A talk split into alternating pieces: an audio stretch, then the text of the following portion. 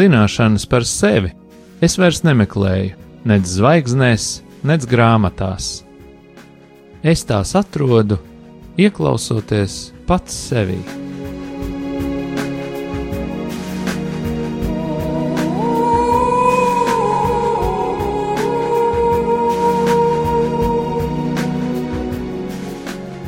Raidījums Mīlestības terapija top mīlestības mājai, sadarbojoties ar profesionālo pastorālās konsultēšanas asociāciju. Sarunas par sevi, dzīvi, psiholoģiju un dvēseles terapiju.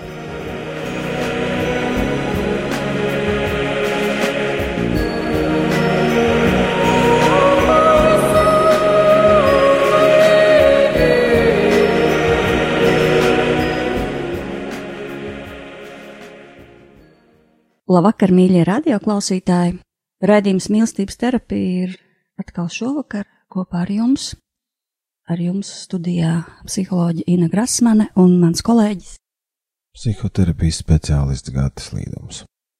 Mēs gribam turpināt šajā vakarā sarunu ciklu par vīrišķību, un kādā citā sarunā, kādā no iepriekšējiem vakariem, mēs palikām pie tādas atziņas, ka vīrišķība tās ir sāpes.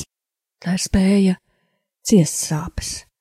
Un pēc šī raidījuma mums bija arī tāds iekšējs diskusijas par šo apgalvojumu, par šo domu, tad kādas sāpes, kādas sāpes vīrieti veido par vīrieti, un kur ir tās sāpes, kas sāk viņu graut, un tad, kad šīs sāpes sāk viņu laust, ko tad viņš dara ar šīm sāpēm. Mēs kopā gribētu pameklēt atbildes uz šiem jautājumiem Iesākšu varbūt ar kādu praktisku gadījumu, uz kā pamata mēs varētu par šo visu parunāt.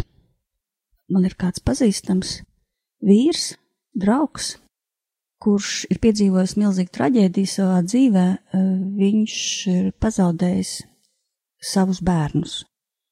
Viņam ir divas laulības, un iepriekšējā laulībā viņam bija bērni, pie kam viens bērns radās jau brīdī, kad šī ģimene bruka kopā, un viņš principā šo bērnu izlūdza, un tur ļoti daudz ir emociju saistībā ar šo bērnu nākšanu pasaulē.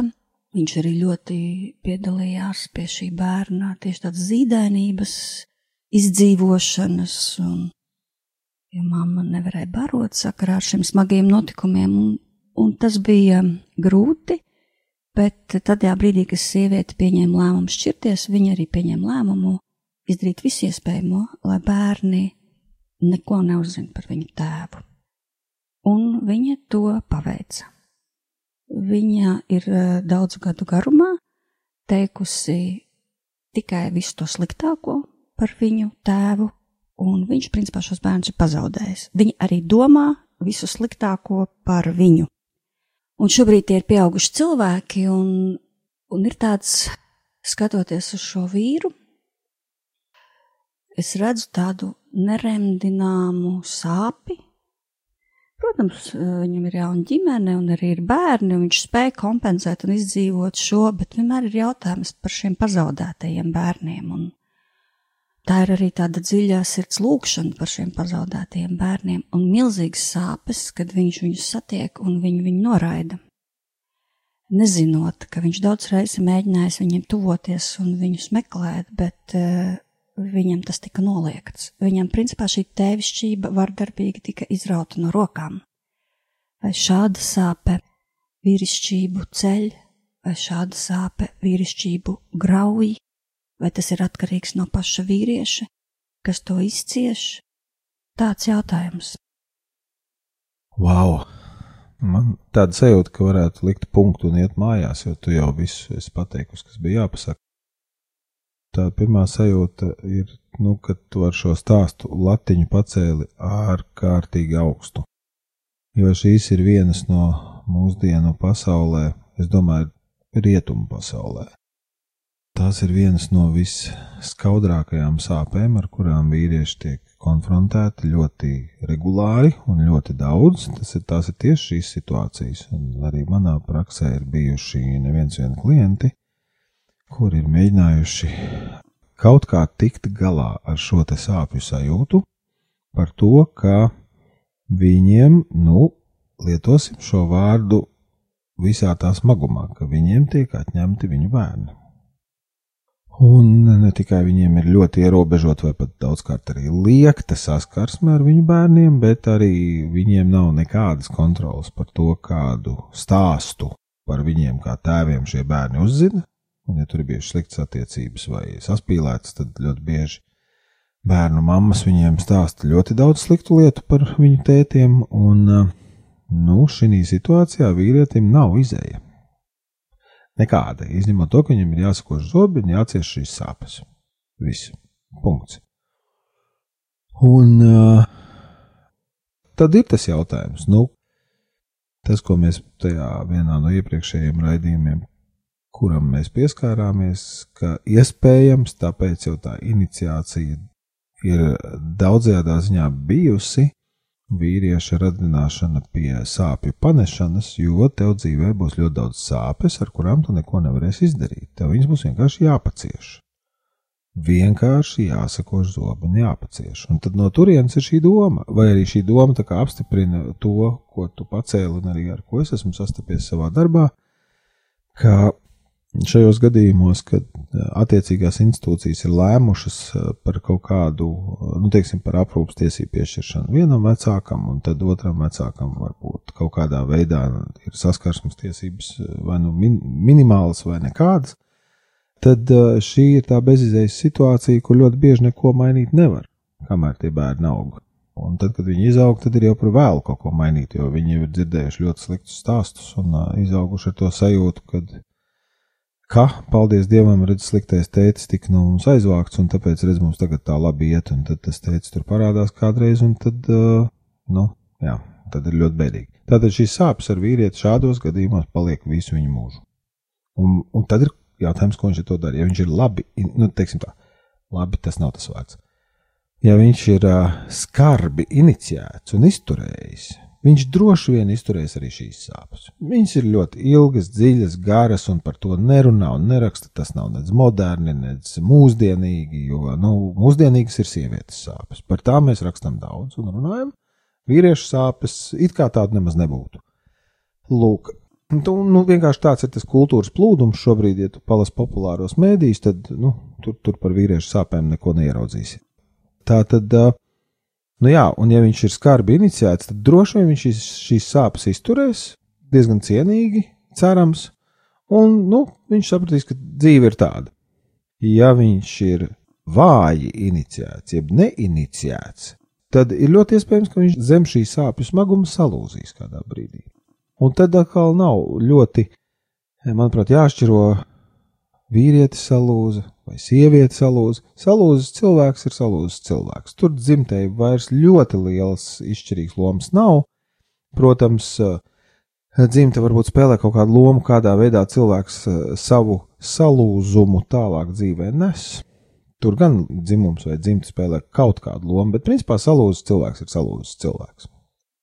Un, nu jā, tā bija vienkārši tāda refleksija. Tā nebija neatbilde, jo uz šo jau nevar atbildēt. Mēs vienkārši varam turpināt kā, pamanīt zināmas lietas, kuras ir tādas, kā viņas ir. Un tad viņas, ja mēs pamanām, tad viņas parasti uz kaut ko norāda, par ko mēs tad arī varam nu, parunāt. Ja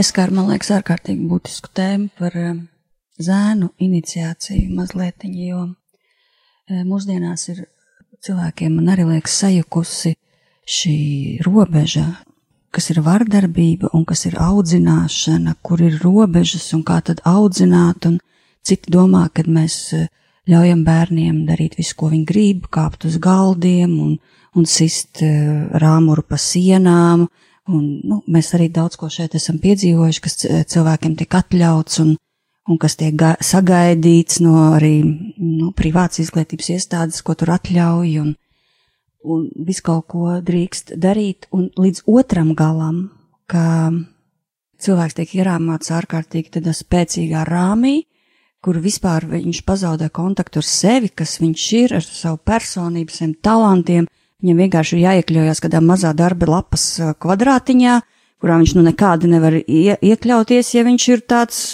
bagāts cilvēks savā dvēselē, un, un atkal viņš tiek lausts.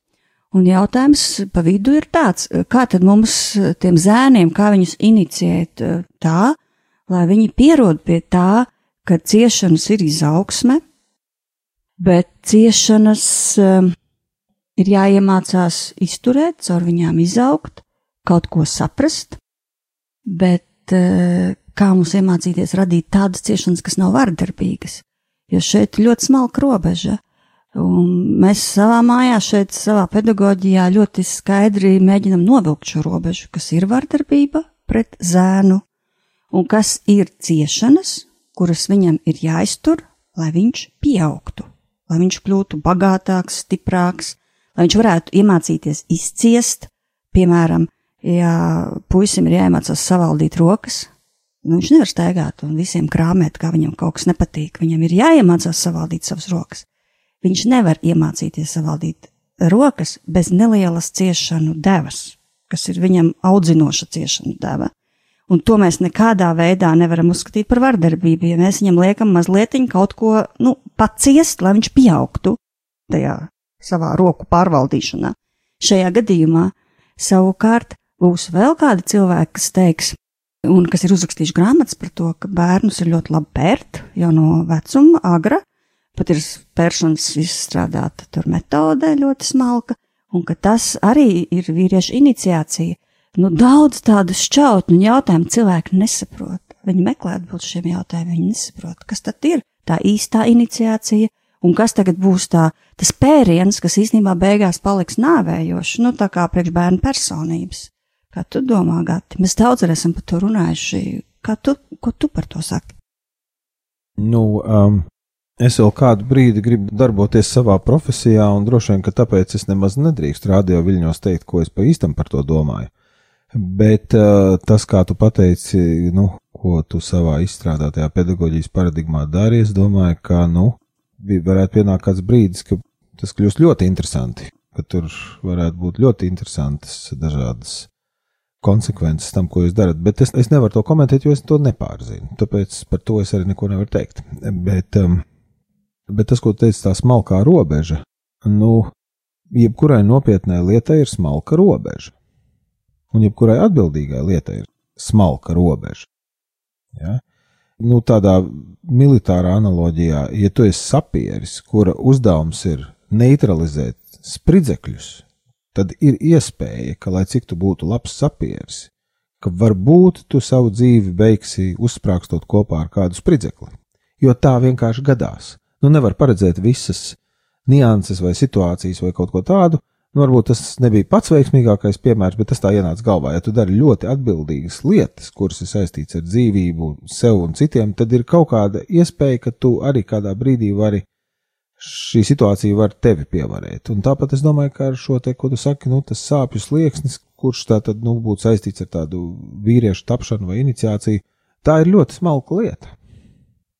Un, un tas uh, cilvēks, kurš tagad tiek audzināts tajā virzienā, mēs jau nekad nezinām tik daudz par šo cilvēku, cik mums būtu jāzina, lai mēs būtu pilnīgi droši, ka šeit nekas tā kā nenotiks.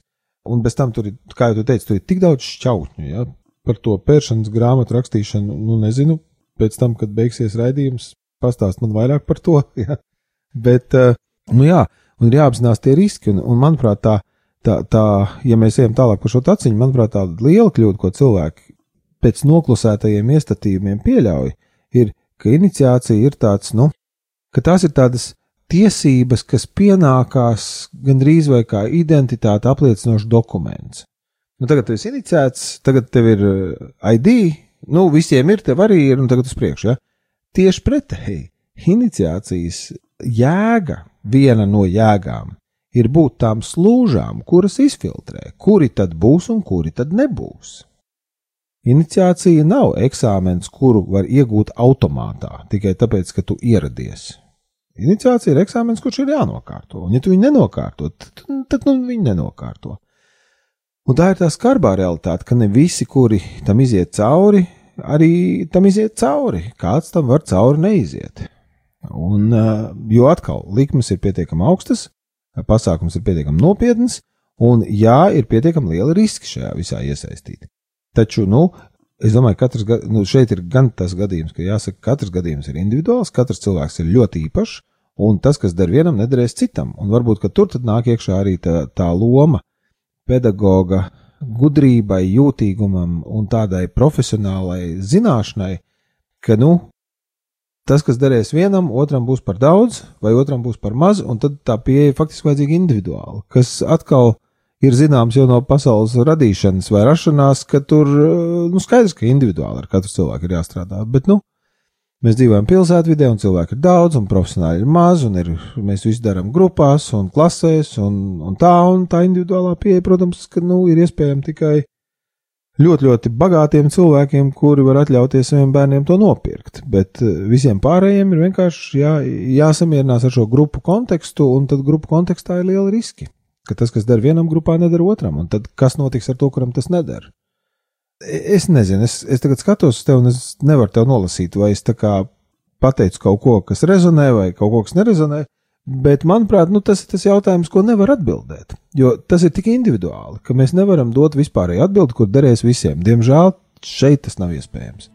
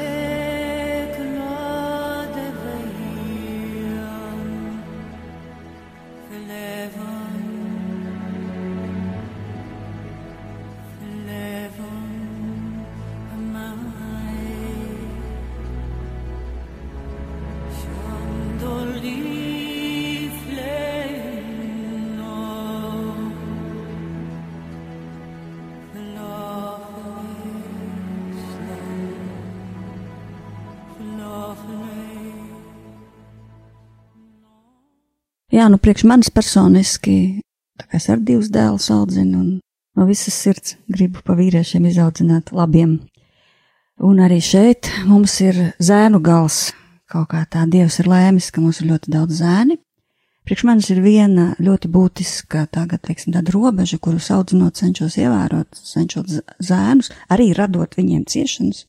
Jo, protams, man ir tā autoritāte un vara iedota, bet man ir ļoti būtiski to izmantot godīgi pret viņiem.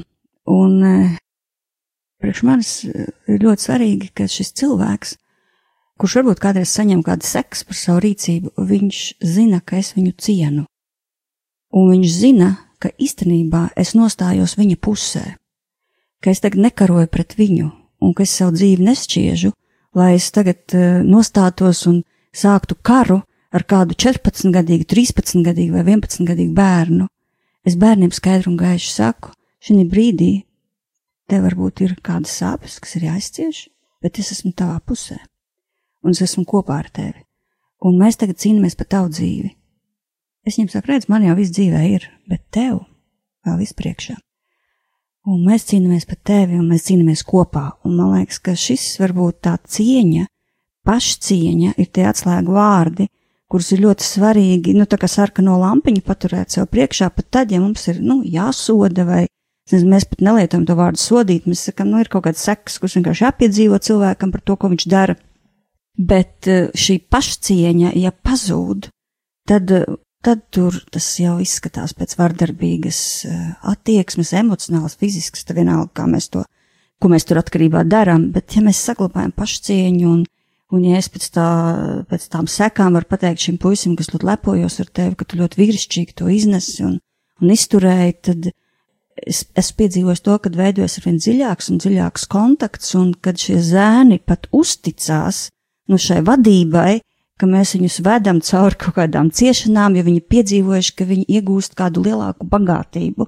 Man liekas, tā ir liela meistarība vienkārši to tā pasniegt mūsu zēniem, un man liekas, Latvijā ir vajadzīgi vīrieši, kas vienkārši zina, kas viņi ir, un tad viņi spēs arī ciest cieņpilnā veidā pret sevi un pret citiem cilvēkiem. Un kā vienmēr, paliekat uzticīgie mūsu tradīcijai lūgt Dievu. Lūksim šajā vakarā par vīrišķību un par vīrieša spēju ciest šeit Latvijā.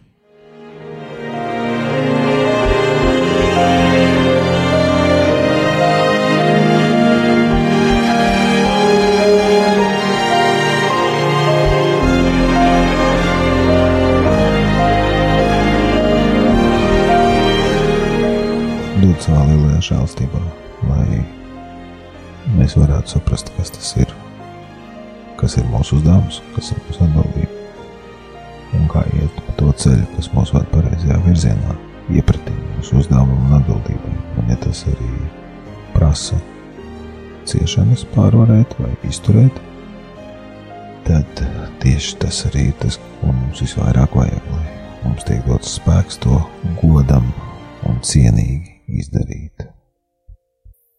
Lūdzam Tev, Kristus vārdā. Amen.